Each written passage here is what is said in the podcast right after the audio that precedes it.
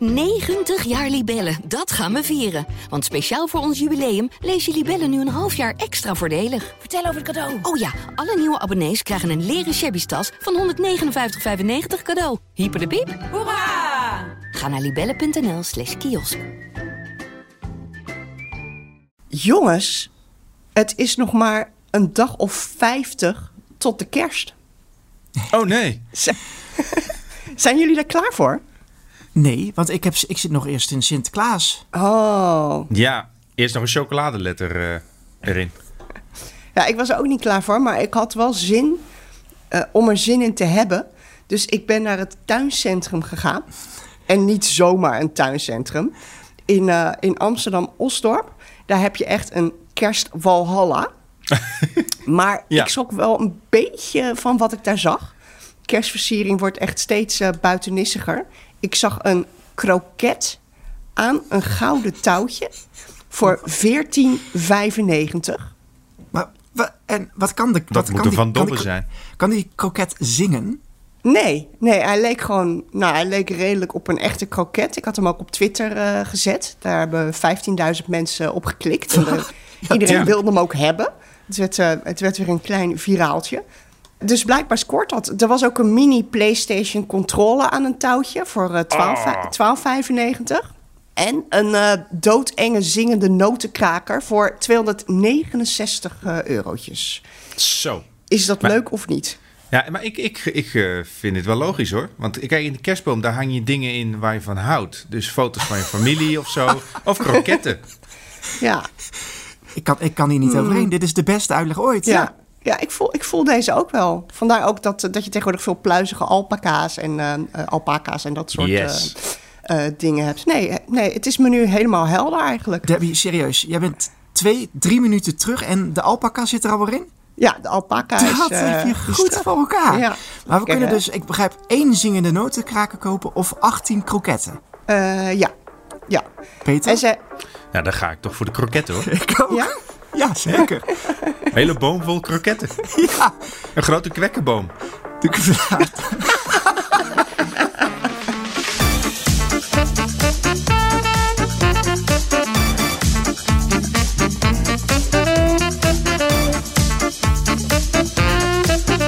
Hallo, hallo, hallo en welkom bij Bankplakkers, de podcast over alles wat er te zien is vanaf jouw bank op alle streamingsdiensten.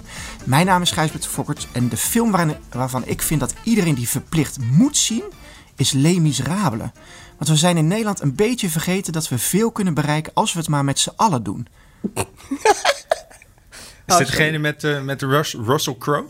Ja, die eh, misschien in die hele film de minste is. eh, of misschien wel het beste. Ik kijk, het- ik, Ja. ik kijk niemand aan, maar ik, sommige mensen hebben er een voorkeur voor, voor Russell in die film. ik niet. Hoi, ik ben Peter Koelewijn. En als jullie één film van mij moeten kijken, dan is dat toch wel Space Jam. Want de Superguide-redactie telt veel Space Jam-fans. En ik wil dat evangelie verspreiden. Wat een gekkenhuis hier. Nou, ik ben eh, Debbie Noble en als ik mensen kon overtuigen om één film te kijken, dan zou het Interstellar zijn. In een poging om de mensheid iets ruimtelijker en minder lineair te laten denken. Ja, het is Nice. diep hè jongens? Bandplakkers, de filosofie-podcast. Ja, ik heb hetzelfde met Space Jam.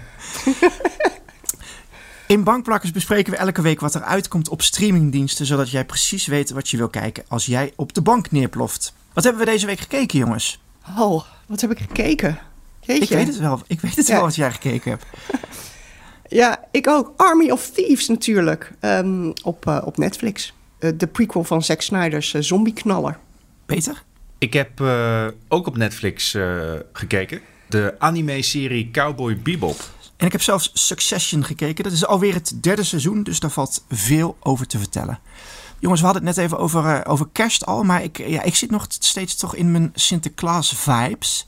Eh, mijn, eh, mijn kinderen zijn al klaar voor de Sinterklaas-films. Die kon ik dus nergens vinden. Maar nu, weet ik, nu herinner, herinnerde ik me ineens dat, dat Netflix dat twee jaar geleden uit heeft gezet. Dat zij dat niet tof meer vinden, Sinterklaas-films. Dus daar is niks op te vinden. Amazon niet. Eh, wel om te huren, maar dat wil ik dus niet. Disney Videoland. Plus. Ja. Videoland heeft... Ja, eh, ik heb dus die nu een. Videoland-account. Dat had ik beloofd toen ik hier aantrad als, eh, als host. en die, dat is daar vergeven van Sinterklaasfilms. ja, Sinterklaas Central. Ik zit er middenin. En het is, weet je wat ook lekker is aan Sinterklaasfilms? Is dat ze gewoon 63 minuten zijn. Dus dat je er drie keer dezelfde film op één dag kunt kijken. Ja, toch? Zoals kinderen nog wel eens willen doen, ja. Zoals eh, kinderen nog wel eens willen doen. Als jullie eh, iemand eh, willen vinden die mee kan praten met Sinterklaas eh, de movie, dan kun je mij eh, aanspreken. Gaan we naar het, het nieuws. Ja, het nieuws.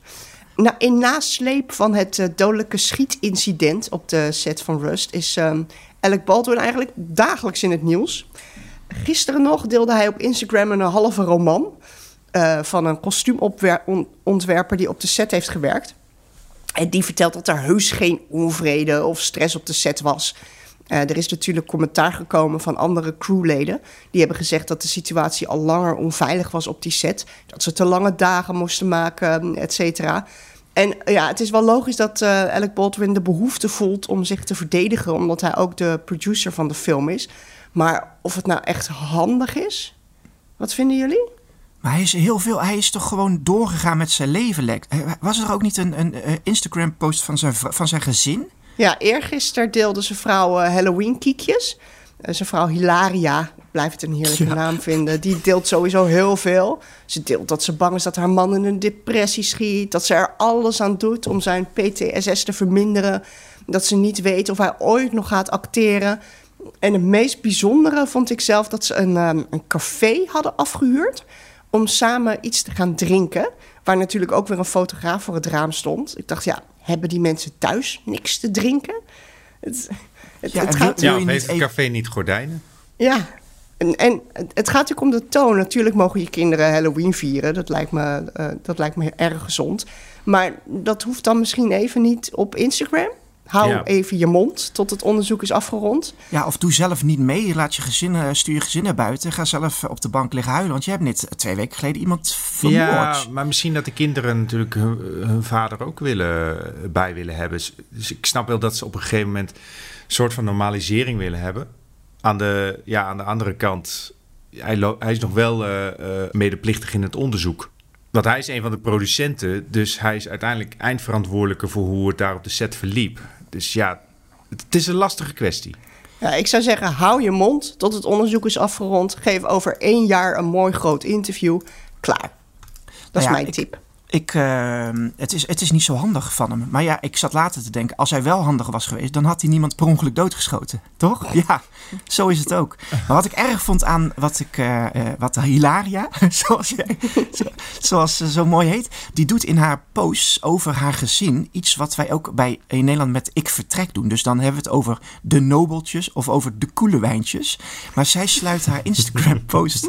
Ja, je, je denkt dat iemand per ongeluk neerschieten erg is, maar zij sluit haar Instagram post af met de, de, bo- de Baldwinettes. Zo he- zij noemt ze haar gezin. Ja, dat vind ik Oh, eigenlijk nog veel erger. Hè? Debbie, jij zit, er, eh, jij zit er goed in. Wil jij eh, Army of Thieves bespreken? Yes. Nou, ik heb Army of Thieves gekeken. De prequel van eh Zack Snyder's zombieknallen Army of the Dead. Als je die niet gezien hebt, is niet erg. Eh, deze kun je prima los tot je nemen. Oh, gelukkig. Hou je niet van zombies, ook geen probleem. Want die zijn in deze film nog ver weg en eigenlijk alleen eh, op de journaals op tv-schermen in beeld. Deze film heeft, eh, eh, is geregisseerd door eh, Matthias Schweighöfer. En die heeft ook de hoofdrol. Dat was die Oh. vermakelijke Duitser in Army of the Dead, die eigenlijk een klein bijrolletje had. En deze hele film is aan hem opgehangen. Ik zal even de verhaallijn van deze film vertellen. Dat is wel nodig, want hij is diep hoor, mensen.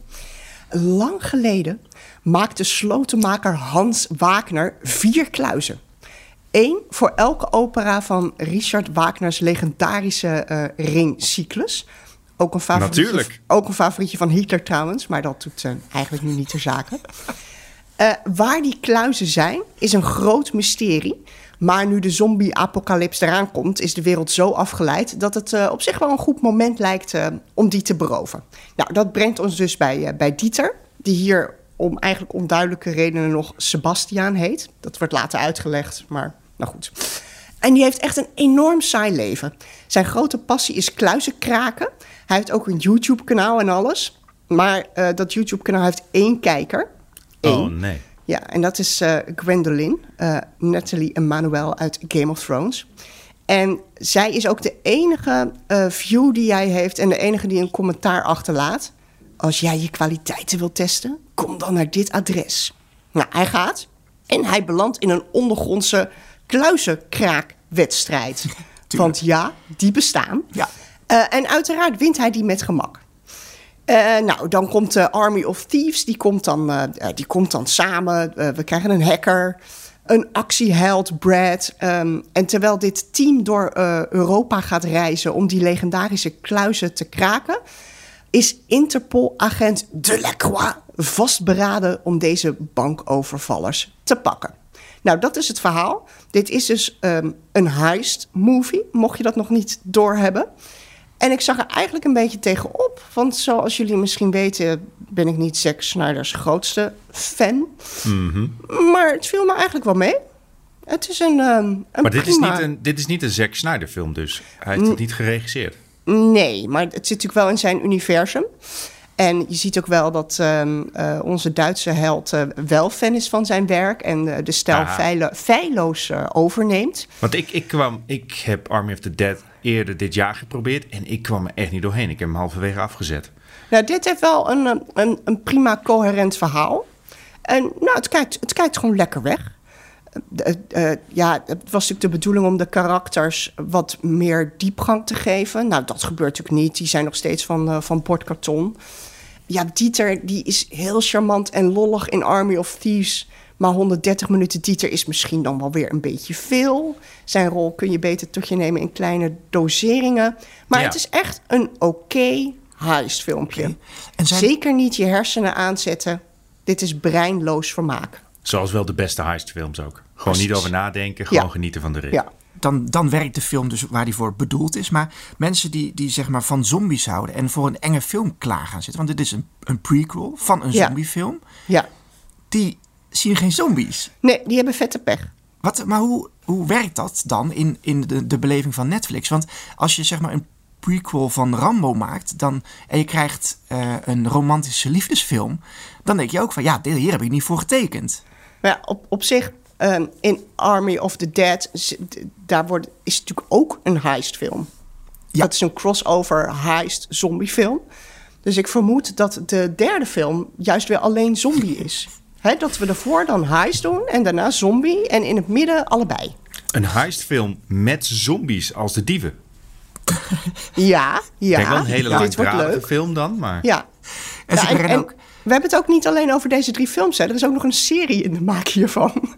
tuurlijk. Oh, ook eh, Ja. voor Netflix. Jazeker. Ja, ze hebben gewoon alles besteld wat er maar... Ze hebben de, all-you-can-eat zombie heist menu uh, Wat genomen. een luxe. Wat, wat leuk voor Zack Snyder ook. Ja, dat is heel leuk voor Zack Snyder. Valt het mee? ehm, kun jij eh, Matthias Schweighöfer ehm, anderhalf uur lang zijn, zijn Duits-Engels accent aan? Ja, ik vind hem wel sympathiek. Eh, zijn maniertjes gaan op een gegeven moment wel een beetje, een beetje storen. En er zit natuurlijk uiteraard ook een liefdeslijntje in...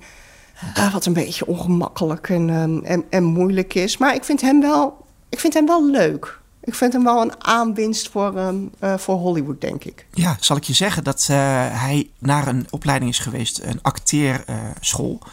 eh, dat hij daar maar één jaartje van heeft gedaan en dat hij er toen is afgegaan. Afgetrapt of afgegaan. Nee, dat wilde ik zeggen. Nee, hij is daarmee gestopt om een carrière, gewoon een, een acteercarrière. Hij zegt, die school heb ik niet nodig. Nou, en eh, twintig jaar later denk ik dat hij het best goed gedaan heeft, onze, Ja. Ma- onze Matthias. Ja. In Duitsland is hij wel een superstar, hè? Daar eh, is hij echt eh, heel groot. Eh, nou, ik denk dat we er nog wel meer, meer van gaan horen. Nou ja, als jij Zack Snyder's protégé bent, dan moet het wel goed komen met je, denk ik. Ja, acteren en regisseren. Dan, eh, Ja. dan kom je er wel. Ja, ehm, maar goed. Breinloos vermaak, wat ook logisch is in een zombiefilm zonder zombies, denk ik. Mooi. Next. Zal ik eh, Succession doen? Ja, Ja, kom maar. Ik heb Succession gekeken. Het is een, ehm, een HBO-serie die eigenlijk al eh, twee seizoenen loopt. Eh, bij Ziggo Movies en Series XL is nu het derde seizoen begonnen. Ze zijn nu bij aflevering 3. Toch nog eventjes, want het loopt al echt al een aantal jaar. Ze hebben vanwege corona echt heel lang over het derde seizoen gedaan. Het gaat eigenlijk over een, een superrijke, maar verknipte mediafamilie. Uh, zij, het is een, een, een zwarte komedie. En eigenlijk zijn alle, alle mensen die erin meespelen, zijn arrogante kwallen die zichzelf continu overschatten. Heerlijk. Zo, daar heb ik het gezegd. Nou, dat, dat, dat is al genoeg voor een comedy. Nee, het, het, het, draait om mediamagnaat uh, Logan Roy. Dat is een, uh, een wat oudere man die eigenlijk op zoek is, nou ja, zoals de titel van uh, de serie al doet vermoeden, naar een opvolger. Hij heeft vier kinderen, drie zoons en één dochter. En eigenlijk zijn al die kinderen één voor één niet geschikt. Of in ieder geval, de mannen zijn niet geschikt. Want zij zijn echt zo gestoord. Echt, je hebt gestoord. Dan heb je heel lang niks. En dan pas krijg je de familie Logan. Die mensen die zijn zo arrogant. En ze, oh, ze kunnen echt helemaal niets. Moet ik echt denken eigenlijk... aan niveautje Lannisters uit Game of Thrones? Dat ze gewoon compleet fucked up zijn? Of gewoon compleet ja. incompetent? Allebei, ja. dat is het mooie eigenlijk. Dat oh. is het mooie. Ik weet dat ik in Debbie Heerlijk. een uh, mede-fan ja. heb. En ik kan wel zeggen uh, dat, dat van, van alles wat HBO de afgelopen jaren heeft gemaakt, vind ik dit op nummer 1 staan. Dit is mijn nummer 1 dramaserie van dit moment. Dat, is wel, dat is wel een uitspraak. Want zeker, HBO, maar ik die heeft veel meer leuke series gemaakt. Alle, dat zeg ik, het acteerwerk is echt prachtig. Zeker de, de, de vader, die echt een, die geen maniertjes duldt. Die is gewoon recht door zee en die, uh, ja, scheldt ook mensen uit. Het is zijn wil of uh, his way or the highway. Hoe zeg je dat in mooie Nederlands? Ja, dat is heel mooi dit. Ja. Dan heb je zijn troonopvolger Kendall. En Kendall is eigenlijk een, een, een, een soort verslavingsgevoelige jongen. Die opvolging wel zou kunnen, maar eigenlijk gewoon echt ook te veel drugsverslaafd is geweest. En ook gewoon verknipt is, Debbie? Ja, ja. Is dit het uh, personage dat door Kieran Culkin wordt uh, gespeeld? Nee, dat is uh, Roman. Die is ook oh. echt. Die is nog net iets gekker, want die heeft ook uh, uh, seksuele deviaties, als ik het zo mag uitdrukken, Gijsbert. Ja, zeker. Ja, ja. Dat, is het, dat was voor in, voor, in het vorige seizoen was dat mijn favoriet. Maar eigenlijk heb ik elk seizoen weer een nieuw favoriet karakter. Ja. Oh, wat mooi. Dit seizoen is het Greg bij mij. Dat is die jongen die echt helemaal niks kan. een soort, hij is ook geen, geen kind uh, van de hoofdpersoon, maar een soort aanhangsel. En maar hij is toch door de familie opgenomen, zodat hij opzichtig door kan gaan met volledig incapabel zijn. Deze jongen is, is echt, hier is de uitdrukking te dom om te poepen voor uitgevonden. Ja, heerlijk. en hij speelt, het, hij speelt het zo goed dat je echt. Ik, ik begin echt een hekel aan hem te krijgen. Ja. Omdat, hij, omdat hij gewoon zo ja, dom. Debbie zegt dat al zo dom is. En hij doet dat zo. En het is gewoon een acteur. Maar ik denk echt dat hij zo is in het echte leven. Ja. En dat is, dat is helemaal niet zo. Ik heb hem opgezocht uh, op IMDb. Zo. Hij, hij kan gewoon echt dingen. Maar in deze serie, je haat hem echt omdat hij zo verschrikkelijk is. Oh. Ik krijg er koude rillingen van. Maar Fenomenaal acteerwerk, hoor ik. Op alle fronten. Op alle fronten. En, en Gijsbert, ben, ben jij op Shiv, de roodharige dochter? Ja. Ja, dat dacht ik al. Waarom dacht je dat ja, dit, dit, dit, is weer precies jouw type. Nou, er zitten verder. Ah, mooi ik, dit. Moet, ik moet ook zeggen, er zitten niet zo heel veel andere vrouwen in. Uh, en ik, ik ben dan al vrij snel uh, verliefd op iemand. En dan zijn er twee keuzes bij deze uh, serie. Dat is dus inderdaad Shiv. of een wat oudere dame. En die oudere dame, die is dus... En ik ga dit een klein beetje spoileren, want we zitten echt al in het derde seizoen. Maar die oudere dame, die is ingepakt door... Uh, Debbie, help me even, hoe heet hij? Roman. Kieran Door Roman, uh, Peter. En Roman, uh, en Roman is een, een, ja, hoe, zou, hoe oud zou die zijn? 30 jaar in deze serie, Debbie. Ja. En die, oude, die dame is 55. En Peter, als ik, en nu doe ik even air quotes, maar zij krijgen iets. Uh, en dat is ook fantastisch Iets. hoe deze serie dat allemaal uitspeelt. Nou ja, dit, dit is zeg maar hoe de eerste twee seizoenen zijn gegaan. En het is eigenlijk, uh, die, die opvolging duurt maar voort en duurt maar voort. Daar zijn ze nog steeds mee bezig. Het tweede seizoen is geëindigd met het feit dat er nu echt wel twee verschillende kampen zijn. Want Kendall, de oudste zoon, dus de beoogde troonopvolger, heeft zich uitgesproken tegen zijn vader. En nu is het echt zo van, het is de een of de ander. En daarom gaat iedereen in de familie nadenken over zijn of haar positie. Gaan ze aan de kant van Kendall staan of gaan ze toch aan de kant van uh, de vader staan? En je krijgt dus kampen. En dat is, dat is in de andere twee seizoenen ook geweest. Want in die kampen komen weer andere kamp, kleine kampjes. En zo gaat iedereen de hele tijd schuiven waar zijn loyaliteit ligt. Uh, en het is gewoon ja, je wordt er heel gelukkig van. Ook omdat, omdat ze inderdaad zo dom zijn dat, er echt, dat je echt met je opgekrulde tenen zit. Omdat je denkt, nu, nu moet je gewoon, please, doe iets intelligents. Maar ook omdat er gewoon hele gestoorde momenten in de door de hele serie zitten. Dit uh, derde seizoen zijn ze, uh, gaan ze dus op twee dingen zitten. Dat is dus nog steeds die troonopvolging. En ze gaan ook laten zien hoeveel invloed mediamagnaten eigenlijk op de Amerikaanse politiek hebben. Dat, dat komt later in het seizoen. We zijn nu pas bij aflevering 3, dus dat gaat zich nog een beetje ontvouwen. Maar dat, dat zijn de twee dingen die in dit seizoen de hoofdmoot vormen. En omdat die mensen zo, zo raar en zo gestoord zijn, ga je toch, zoals Debbie al zei, je gaat van ze houden. Je hebt je favorieten. En je hoopt eigenlijk dat ze, dat ze er bovenop komen. Ja. Nou, ik ben overtuigd. Ik, ik had deze al heel erg hoog op mijn lijstje van comedy staan, die ik ook nog wil kijken. Maar ja, ik, ik moet hier nu gewoon even tijd voor gaan ruimen. Ja, dit moet je doen, Peter. Het mooie is dat je dus meteen achter elkaar twee seizoenen uh, door kan kijken. Want ik heb wel dat, dat wat ik zeg over dat je uh, een soort liefde gaat voelen, ook voor die stomme mensen. Dat heb ik wel, had ik wel vooral bij als ik een heel seizoen door kon kijken. Als ik, okay. als ik een hele week kon nadenken over die acties van die mensen, dan dacht ik echt, ja, dit is allemaal verzonnen. Dit kan niet zo zijn. Dit, zo kun je niet zijn in het echte leven. Maar goed, dit, dit zijn dus, dus miljardairs, Peter. Dus zij hebben ook, ze geven ook geen fuck. Ze hebben gewoon te veel geld. Ik zal laatste, vriendelijk ook. zeker. Zij, ik, zal, eh, ik zal als laatste roepen. Ze hebben ook. eh, de, de schrijvers hebben hulp gehad van Rijkdom Consultants. Debbie? Oh, die bestaan. Wat is dat? Die, ja, dat, dat, dat mensen die dus een serie schrijven. Ja, dat, tenminste, dat, dat denk ik. Dat zit zo in mijn hoofd. Mensen die een serie schrijven over rijke mensen kunnen zich dan lot, eh, die kunnen een consultant inhuren. en die legt dan uit hoe het werkt om rijk te zijn. En ik zal een voorbeeld geven hoe ze dat in Succession hebben proberen te krijgen. Ze hebben dus die rijkdom consultant heeft dus aan de schrijfster uitgelegd. Luister, rijke mensen en zeker miljardairs hebben geen jassen.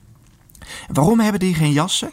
Omdat zij, zij worden overal naartoe gebracht. Dus als ze ergens naartoe gaan, dan stappen ze van het hotel of van hun kantoor in een auto die klaar staat voor de deur. En dan rijden ze naar hun huis of naar het vliegtuig. En dan stappen ze vanuit de auto in het vliegtuig. En als ze dan hebben gevlogen, dan stappen ze vanuit het vliegtuig in de auto. Daar heb je geen jas voor nodig. Nee.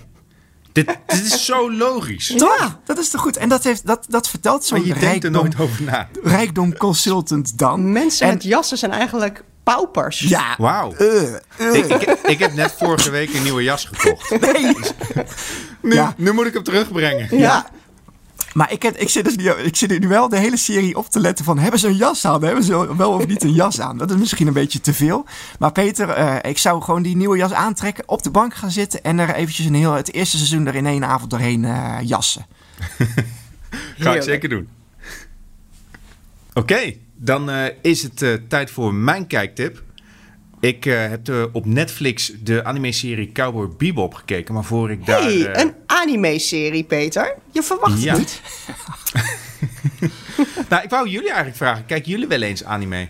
Ja, Heb je, Dus- heb, Zelden. zelf, hebben jullie bepaalde favorieten of iets dat je op Netflix ook leuk vindt? Nou vooral Netflix is er... Ik dacht, volgens mij heeft Netflix juist weer anime... of groot gemaakt, zo wil ik het ook niet zeggen. Maar Netflix is wel een van de weinige streamingdiensten volgens mij... die echt anime ontwikkelt en eh, online zet. En daardoor ben ik, ik ben eh, eh, getarget door Netflix met anime-series. En vooral als het gewoon om, om knokken gaat, om vechten en toernooien. Telt dat ook als anime, Peter trouwens? Want dan, dan zit ik wel klaar. Ja, zeker. Ik kan niet een heel college geven over wat anime is, maar het is in, in zekere zin Japanse animatie en ook een beetje Koreaanse animatie allemaal. Eh, ja, het heeft een, een vrij unieke stijl. Ik, eh, ik, ik vind zelf dat Netflix ook wel een goed aanbod aan anime heeft. Maar dan moet ik wel bij zeggen, de meeste series en films zijn wel heel erg niche. Dus die kan ik niet zomaar aanbevelen. Ik zou niet zomaar zeggen tegen jullie, ga Neon Genesis Evangelion kijken. Eh, ook al is dat een hele goede serie. Ja, Maar Ja, nou heb je het toch gezegd, hè, Peter? dat vind ik gewoon hinderlijk. Ja, maar je moet het niet kijken. Je moet het niet gaan kijken. niet Nou, kijken. waarom, Niet waarom kijken. kijk jij het, Peter? Nou, ik wou, de, ik wou hier dus eventjes een, een, een trapje van maken. Want Cowboy Bebop is dus wel een anime die ik iedereen zou kunnen aanbevelen. Ja, Japanse animatie die, die, die durft net even wat meer dingetjes te doen... of wat meer experimenteel te zijn dan eh, eh, Amerikaanse animatie... of Europese animatieseries en films. En, en Cowboy Bebop is eigenlijk een soort van steen van Rosette. Als jij niks met anime hebt, dan is... Of als je wil weten van wat kan anime allemaal zijn... dan is dit de perfecte serie om in te stappen. De serie stamt alweer uit 1998, maar ze hebben hem sinds kort weer op eh, Netflix gezet. Omdat ze op, vanaf 19 november gaan ze een live-action serie van Cowboy Bebop uitzenden op eh, de streamingdienst. Dat komt omdat Cowboy Bebop een beetje een popcultureel fenomeen is. Het is een beetje moeilijk om uit te leggen wat voor genre het precies heeft, maar het komt nog het dichtst bij een space western. Uh, het speelt zich in de nabije toekomst af, waarin de aarde onbewoonbaar is geworden. En daardoor is de mensheid door het hele zonnestelsel verspreid. Dus het is als het ware een wilde westen geworden van smoezelige stadjes, uh, ruimtestations en schepen vol met, uh, met uh, gespuis. Genoeg werk voor premiejagers dus, zoals de bewoners van het ruimteschip Bebop. Daarop zit een groepje premiejagers en zij zijn de hoofdrolspelers van Cowboy Bebop. Ze bestaan uit een ex-soldaat, een ex-politieagent, een dief en een hacker. En een ontzettend schattige corgi. Ze Als zijn... een hond? Ja. Oké. Een heel, heel schattig hondje. Hij is genetisch gemanipuleerd. Dus hij is uh, de intelligentste corgi van het universum. Uiteraard. Jazeker. Ze, ze, ze moeten dus wel samenwerken om hun premies uh, uh, te vangen. Alleen dat gaat zelden goed, omdat ze hebben eigenlijk een enorme pesthekel aan elkaar. Maar tegelijkertijd gaat de serie ook over eenzaamheid en over uh, existentiële crisissen. Dus ze kunnen ook niet zonder elkaar, blijkt uiteindelijk. Hey, en, maar dit is echt een, een darling van jou al Ja. sinds 19... Heb je hem ook echt toen al gezien? Nee, ik ben een laadbloeier. Ik heb hem eh, tien jaar geleden voor het eerst gezien. En dit is de derde keer dat ik hem opnieuw heb gekeken.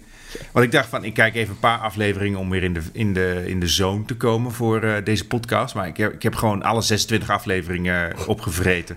Tuurlijk, ja. En het helpt ook dat het een... Uh, uh, de serie is ook voorbij na 26 afleveringen. Het heeft een heel definitief einde. Het is een van mijn favoriete eindes ooit zelfs. Doe maar.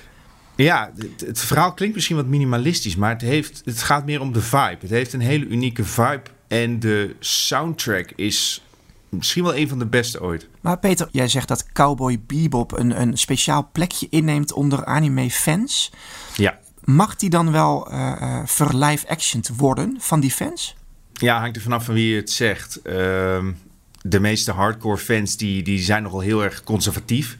Dus die zitten ieder uh, aanpassing in het kostuum aan het bekritiseren. Ik ben zelf voorzichtig optimistisch over de Netflix-serie. Vond de trailer. Uh, ik, ik, was er uh, matig enthousiast van. En ja, ik hoop natuurlijk dat het uh, gewoon een grote hit wordt. Want dit is wel dé manier om een nieuw publiek aan te boren. Maar voor nu zal ik, kan ik tegen iedereen uh, kan ik een warme aanbeveling voor Cowboy Bebop geven. Een van de redenen waarom het ook zo groot is geworden in Amerika en Europa is omdat het heel erg. Uh, het is Japanse animatie, maar het gebruikt heel erg de Amerikaanse cultuur als een achtergrond. De soundtrack die ik eerder noemde zit ook vol met Amerikaanse uh, muziekgenres. Dus de intro is jazz, er zit blues in, rock en roll, zelfs een beetje heavy metal. En het, het werkt allemaal prachtig. Het is heel mooi geregisseerd en de animatie is nog steeds top-notch. Dus uh, ja, ik, ik, kan nog wel tien minuten door uh, gaan met complimentjes Maar Peter, moet ik, moet ik de originele anime kijken? Of moet een type als ik, moet ik wachten op de live action? Ik denk dat uh, ze genoeg van elkaar verschillen dat je ze allebei kan kijken. Ja, en kom op. Zoveel tijd heb ik er niet. Kijk gewoon, kijk gewoon de anime, Debbie. De anime is 100% zeker goed. Van de live-action serie weet ik het nog niet zeker. Maar ik ga hem zeker uh, kijken en uh, uh, bespreken hier in de toekomst. En jij zegt, Peter, um, het is een 26 afleveringen, de, de anime-serie. Ja. Hoeveel is dat van 20 minuten of is dat van een uur? Ze zijn uh, ongeveer 25 minuutjes, geloof ik, per aflevering. Dat is te doen, uh, Debbie, toch? Hm, ja, ik uh, oh. zat dat in mijn schema proberen te proppen. Maar Debbie, heeft, heb je, was, was je aan het opletten toen Peter zei dat het over de ruimte gaat? En jazeker, jazeker. Soort, nou, mag ik het een. Zitten er Star Wars elementen in, Peter? Ja, het is, een, het is wel een unieke kijk op, uh, op uh, science fiction. Maar er zitten wel wat elementen in. Er zit een aflevering in die een hommage is aan Alien. Er zitten Star Wars elementen in.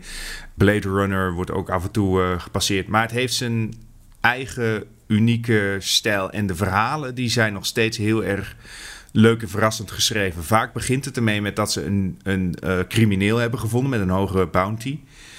En vanaf daar loopt het compleet uit de hand of blijkt er een, uh, een best wel interessant mysterie te zitten. Er is ook een rode draad door het verhaal, want uh, alle hoofdpersonages hebben hun verdrietig verleden.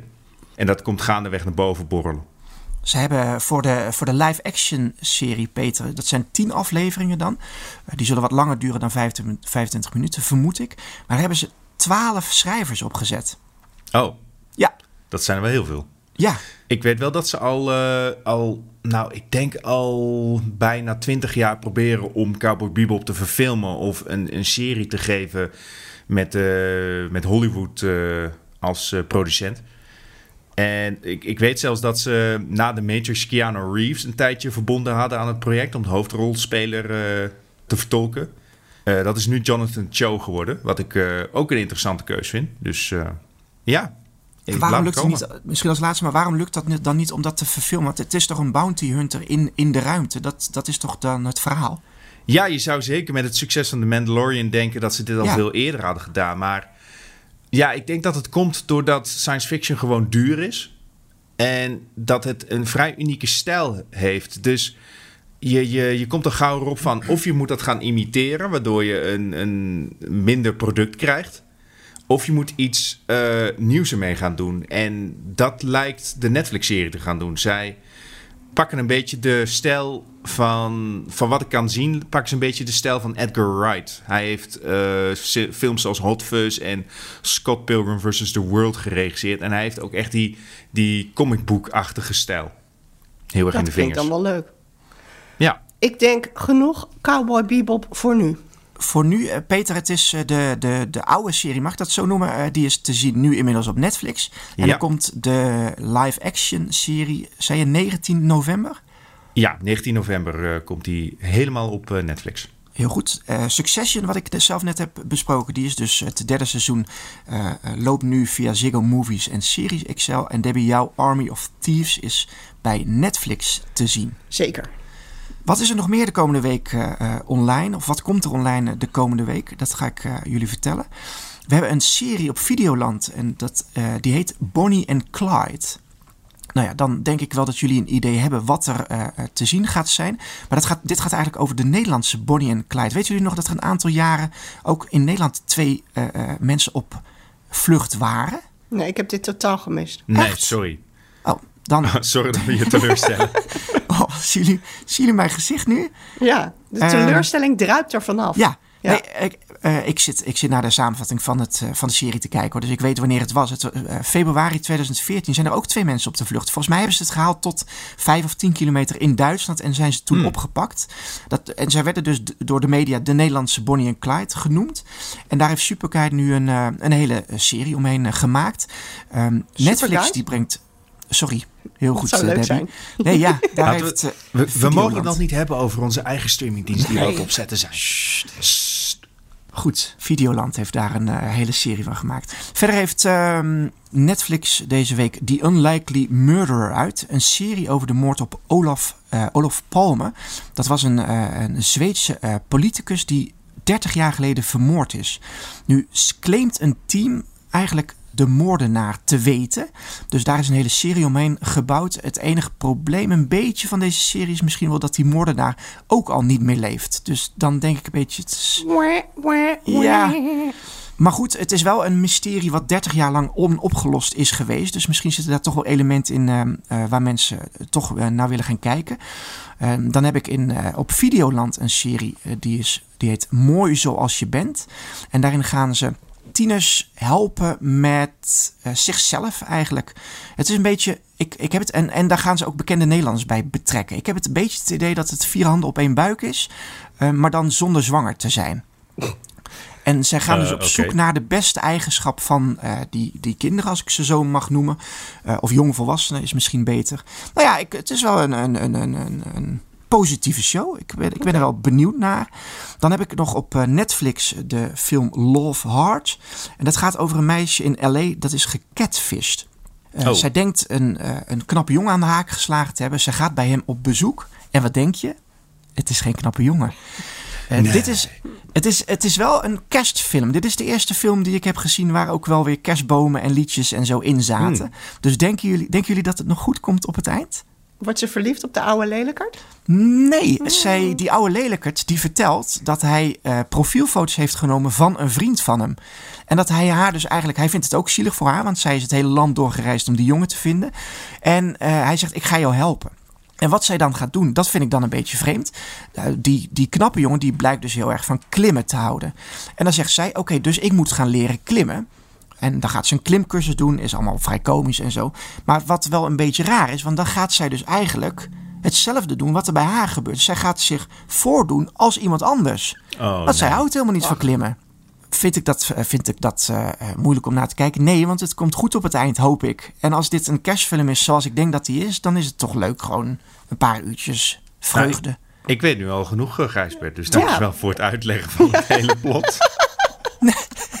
Ehm, Niemand vertel ik hoeft deze veel? film nu meer te kijken. Nee, maar ja, het Bedankt. zijn Maar, kerstfilms. maar wel een goed verhaal verder. Toch? Maar het is een kerstfilm, dus dan weet je toch... Dat... Ja, jongens, dan, wat had ik dan niet kunnen vertellen?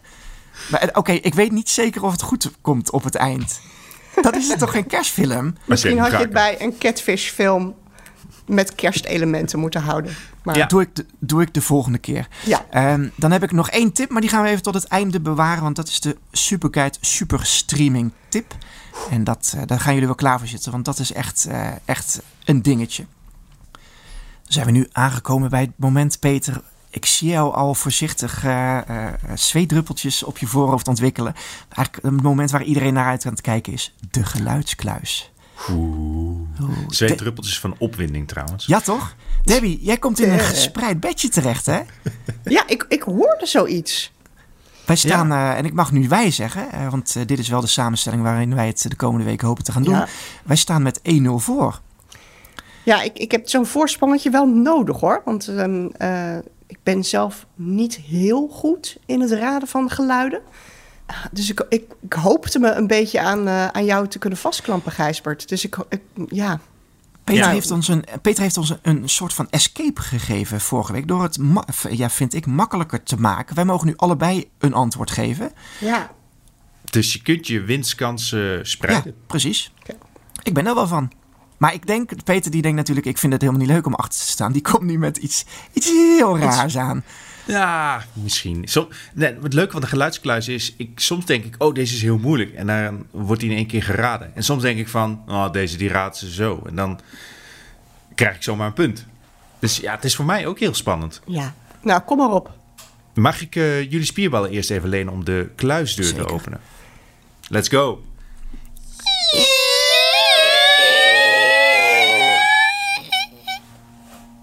Heel mooi.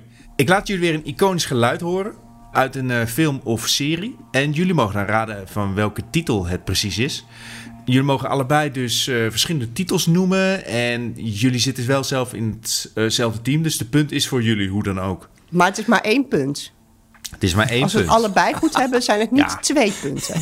Dus, eh, Sinterklaas moet nog in het land komen. Nou, oké. Maar eh, de stand is nu 1-0 voor jullie. Beginnersgeluk, al zeg ik het zelf. Eh, als jullie het fout raden, krijg ik een punt. En tussendoor geef ik ook nog wel een hintje, want zo lief ben ik. Hier komt ie.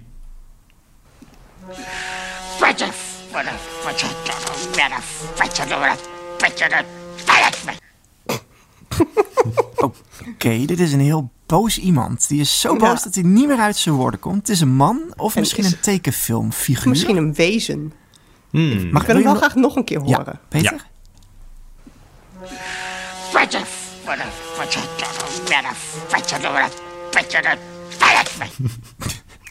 Nou, ik hoor op de achtergrond ook een, een, een, een iets meespelen. En ik, ik denk dat het uit een tekenfilmserie komt. Ik denk dat het een, een cartoon karakter is. En ik, ehm, ik, ik, denk dat ik, voor, ehm, ik denk dat ik voor de Looney Tunes ga. Hmm. Nee, wacht. De, ik, ga voor, ik weet het wel. Ik ga voor Debbie. Ik denk dat het Space Jam is. Echt? Wat, zal ik- Space Jam. Ja. Ja. eh, Zal ik een hint geven eerst? Graag. Misschien wil je nog je titel veranderen. Ja. Eh, de hint is New York. Zat dat in Space Jam? Dat zit ik mij nu af te vragen. Of zit die studio in New York? Zijn, het, Ehm, zijn het minions? Die komen Hmm. ook, ook wel eens aan in New York. Ja, Is het Sint nee, Sinterklaas? Want Ik hoor ook een soort stoombootachtig geluid daar op de achtergrond. Maar New York. Ja, ga je erin mee, Debbie, dat het een soort eh, speel- een, een tekenfilm karakter is? Peter, Gijs, maar nu- ik heb werkelijk geen idee. Oké, het kan maar- wat mij betreft ook Flodder in New York zijn. Ik weet het gewoon echt niet. we kiezen, Ja, ik, dat kan ik- zeker. Nou, ik heb, ik heb hem hoor. Ik kies voor Space Jam. Ik ga, ik, wij staan straks 2-0 voor, Debbie. Oké, prima. Oké. Ik Wil je ga nog een andere titel? mee. Echt waar? Ja. Wil jij niet eh, de Minions doen? Want dat Nee. mag. Oh, nee, prima. Doe jij vaak spelletjes, Debbie? Dat je... Alle- alleen spelletjes die ik win. Oké. heel Peter. erg. Ja. oké. Eh Debbie speelt graag spelletjes die ze wint. Ehm, dan heb ik slecht nieuws, want Space Jam is fout. Nee. Nee, ja, sorry, het is eh, 1-1 nu. Dit geluid is Joe Pesci in Home Alone 2. Lost in New York. Dus we zijn nu al bij de kerstfilms aanbeland. Toch. Ja, Halloween is voorbij. We kunnen allemaal kerstversiering en kroketten in onze boom hangen. We, we, we gaan gewoon naar de, naar de kerstfilms toe. Home Alone. Ja. Hij is weer lineair te zien, hè, dit jaar. ja, klopt. Hij wordt weer op eh, televisie uitgezonden. Wel vroeg. Het kerstcadeautje wordt vroeg geopend. Ik, uit mijn hoofd zeg ik 10 december op SBS 6. Eh, en dat nadat Disney twee jaar lang hem op Disney Plus had verstopt. Ja, Maar we kunnen weer gaan kijken. En dit is uit de tweede film, zeg jij? ja eh, maar hij, hij doet dit ook al in de eerste film. Dus als jullie hadden gezegd Home Alone, dan had ik het goed gerekend. Oh. Maar eh, er zit ook nog een leuk weet, weetje achter. Want dit was een idee van Joe Pesci zelf om eh, dit, dit geluid te maken als hij boos was en weet je, aan het grommen was. Dat kwam omdat eh, de acteur zelf speelt vaak heethoofden. En eh, hij was al heel erg beroemd van Martin Scorsese films zoals eh, Casino en Goodfellas. Waarin hij alles bij elkaar vloekt. Dat wilde hij ook doen voor dit personage. Alleen het is een familiefilm, dus de regisseur stond dat niet toe. Dus toen bedacht hij maar dit mompelgevloek. Dus dat iedere keer als hij in een valstrik trapt, dan Een, begint een hij blik weer. verf. Alsof hij een blik verf tegen zijn hoofd heeft gekregen aan een touwtje. Ja, heb- Een kroket, deze film als hij een ik kroket aan een touwtje heeft gekregen tegen zijn hoofd. Ik heb deze film denk ik gewoon helemaal niet gezien. Ik heb alleen de originele Home Alone film gezien. En ook misschien maar één keer. Ik had daar gewoon genoeg aan. Binnenkort komt de, nieuw, Home de, de Alone fan? nieuwste. Peter. ja, dit is Home Alone kijk ik bijna ieder jaar wel. Echt? Ja, zo, eh zo eh, truttig ben ik wel, ja. Nee, traditie, dat is niet truttig. Dat is toch leuk? Ja, het blijven, het blijven goede films. Eh, deel 2 vind ik ook eh, erg leuk. En er komt een nieuwe in de bioscoop, toch? Nee, op eh, Disney Plus die- exclusief. Oh, echt? Ja, eh 12 november uit mijn hoofd. Dus eh, binnenkort kunnen we daar al van genieten. En eh, misschien ook wel een leuk eh, om eh, in de bankplakkers te bespreken. Met dit on- in ons achterhoofd, eh, Peter. Zou je hem nog één keer eh, willen spelen? Yes.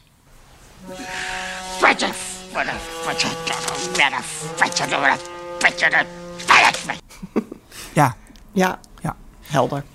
De bankzaken. Wat, ehm, we hebben op onze socials uitgevraagd wat je eigenlijk het beste kunt kijken als het, nu het, eh, het weer nat, koud en deprimerend wordt. Het is een, een, een bankzaak die door Debbie naar voren is gebracht. En daar hebben we heel veel reacties op eh, eh, gekregen. Arts Zacht die zegt eh, eigenlijk iets waar je in kan verdwijnen. Hij zegt ik ben net begonnen aan Death Note. En ik krijg toch ook Oh. wel heel veel Harry Potter dingen voorbij. Eh, Thomas Ooms die zegt Harry Potter met het oog op kerst. Allemaal te zien op Amazon Prime. Laura 260581 die zegt Harry Potter. Sheeps and Cho die zegt ook Harry Potter. En dan hebben we ook nog een aantal mensen die zeggen eh, Marvel films. B. Boris 92 die zegt alle Marvel films. Jardi Jansen Marvel eh, Marathon. Dus het zijn wel echt de, de, de langere series waar mensen Ja. voor, eh, voor klaar gaan zitten. Hoe, hoe, hoe, hoe zien jullie dit? Hebben jullie speciale eh, films die jullie, of series die jullie graag willen Ik zien vind, als het buiten echt anders wordt? Herfstig? Ik vind het vooral leuk dat Death Note genoemd werd. Ook een hele goede anime-serie.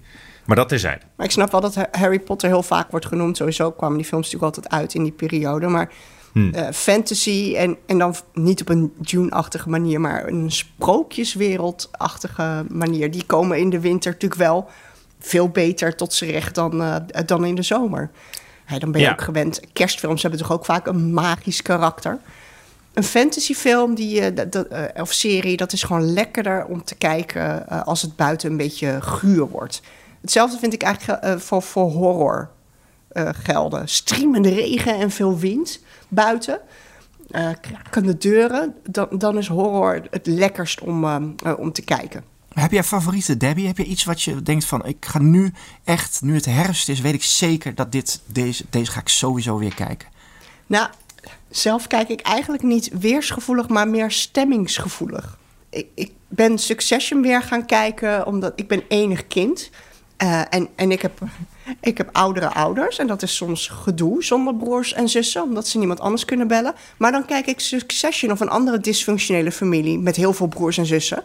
En denk ik, zo ben ik even goed af, zeg. Dat is echt lekker dit. Uh, ik dus heb, ik, heb zoveel broers en zussen en ik kan zeggen, het heeft ook zijn voordelen om enig kind te zijn. maar Peter, kijk jij wel weers, uh, weersgevoelig als het uh, buiten slecht weer is? Wat, wat zet jij dan op? Mm, ja, ik ben ook wel een beetje stemmingsgevoelig. Als het uh, buiten guur weer is, dan wil ik juist iets, iets vrolijks kijken. Oude kerstfilms komen dan uh, langs, uh, zeker nu het november is. maar ook tekenfilms vind ik ook nog leuk om te kijken. Ik weet niet, als, met, met slecht weer dan denk ik vaak aan, aan zondagmiddag. En dat is wel echt een perfecte tijd om even een tekenfilm op te zetten. Heb jij nog een super tip, Gijsbert, in het nou, regenachtige genre? Iedereen zegt dus de hele tijd Harry Potter. Maar ik heb, mijn, mijn dochter is zes. En ik, ik kan dus eigenlijk niet meer wachten totdat we samen Harry Potter gaan uh, kunnen kijken. Wanneer, wanneer, uh, wanneer is dat te doen? Is het niet meer te eng? Want ik, als, ik die, als die spinnen tevoorschijn komen in, ja. uh, dan, dan ga ik zelf achter de bank zitten. Dat wil ik haar eigenlijk nog niet aandoen. maar Debbie, jij hebt een, een iemand die iets ouder is dan zes. Ben jij al aan het kijken? Ja, we hebben ze allemaal gekeken. En echt wel al toen die zeven was, denk ik. Dat, ja. ging, uh, dat ging prima. Uh, want ze zijn er ook allemaal Nederlands nagesynchroniseerd. Dat, dat hielp. En die eerste films die zijn natuurlijk helemaal niet eng. Pas als de Dementors in beeld komen, wordt het een beetje, dan wordt het wat spannender. Vanaf de maar, derde film. Maar zo'n grote spin kan je toch prima kijken. Kijk, die Disney-films, die zijn ook, uh, daar zitten ook gewoon enge elementen in hoor. gewoon doen, zou ik zeggen. Oké. Okay. Ja. Dan de Superguide Super Streaming Tip. Onze beste streaming tip die we eigenlijk achter de hand hebben gehouden. Die de komende week te zien is. En dat is een, een, een mooie film. Een, eentje die al vrij lang op de agenda staat. Red Notice. En die is te zien bij Netflix. Ik zie jullie knikken. Het gaat eigenlijk over een, een, een FBI-profiler die achter een, een kunstdief aan zit, maar vervolgens nog een andere grote crimineel te pakken kan krijgen. En daar door reizen ze met z'n drieën de hele wereld over. Dan zeggen jullie dat ik heb nu nog niet zo heel veel uh, om naar uit te kijken. Behalve uh, tot het moment dat ik zeg wie de hoofdrollen spelen. En dat zijn namelijk uh, Dwayne Johnson, Ryan Reynolds en ah. Gal Gadot. Kijk. Hoppa. Niet de minste mensen. Nee. Nou. En ik geloof daardoor ook de duurste Netflix-film ooit. Ja, dat en zal. Die staat er gewoon volgende week op, jongens. Dus dat is onze Superguide Super Streaming Tip wil ik graag iedereen uh, bedanken. Peter sowieso, Debbie sowieso, uh, maar vooral de luisteraars. Uh, want die zijn natuurlijk het belangrijkst. als jullie ons willen bereiken voor vragen of voor bankzaken, kijktips, et cetera, dan weten jullie ons denk ik wel te vinden. Dat kan via bankplakkers.gmail.com op de ouderwetse mailmanier. Maar ook op de socials zijn we onder de handle bankplakkers te vinden op onder andere Instagram en Twitter. Uh, waar wij heel erg door geholpen uh, worden is als jullie een review achter willen laten. En dan vooral als jullie een positieve review willen achterlaten, moet ik eigenlijk zeggen. Dat mag in jullie podcast app naar keuze. Dat helpt ons enorm. Maar wat ons eigenlijk nog meer helpt is als jullie het gewoon even tegen een vriend of een vriendin willen zeggen dat ze ons moeten gaan luisteren. Omdat, tja, je weet wat er gewoon speelt op alle streamingdiensten de komende week. En je kunt ook gewoon lekker meekletsen bij het koffiezetapparaat over wat er uh, te zien is op televisie. Ik weet ook zeker dat het een leuke Sinterklaas-tip is, weet je. Gewoon het logotje van bankplakkers verpakken als cadeautje en dan geven aan iemand. Zeg gewoon, nou, dit is de podcast die je moet luisteren. Met misschien een chocolade, een chocoladelet. Ja, nou vooruit. Dank jullie wel. Doei doei. Doei.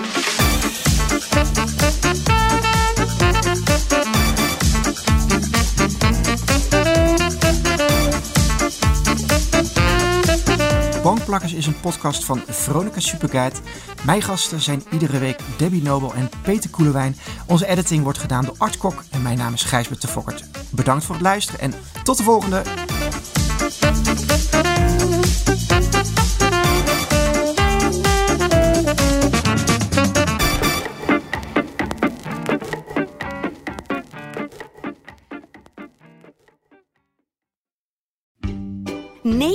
Jaar Libellen, dat gaan we vieren. Want speciaal voor ons jubileum lees je Libellen nu een half jaar extra voordelig. Vertel over het cadeau. Oh ja, alle nieuwe abonnees krijgen een leren shabby tas van 159,95 cadeau. Hyper de piep. Hoera! Ga naar libellen.nl slash kiosk.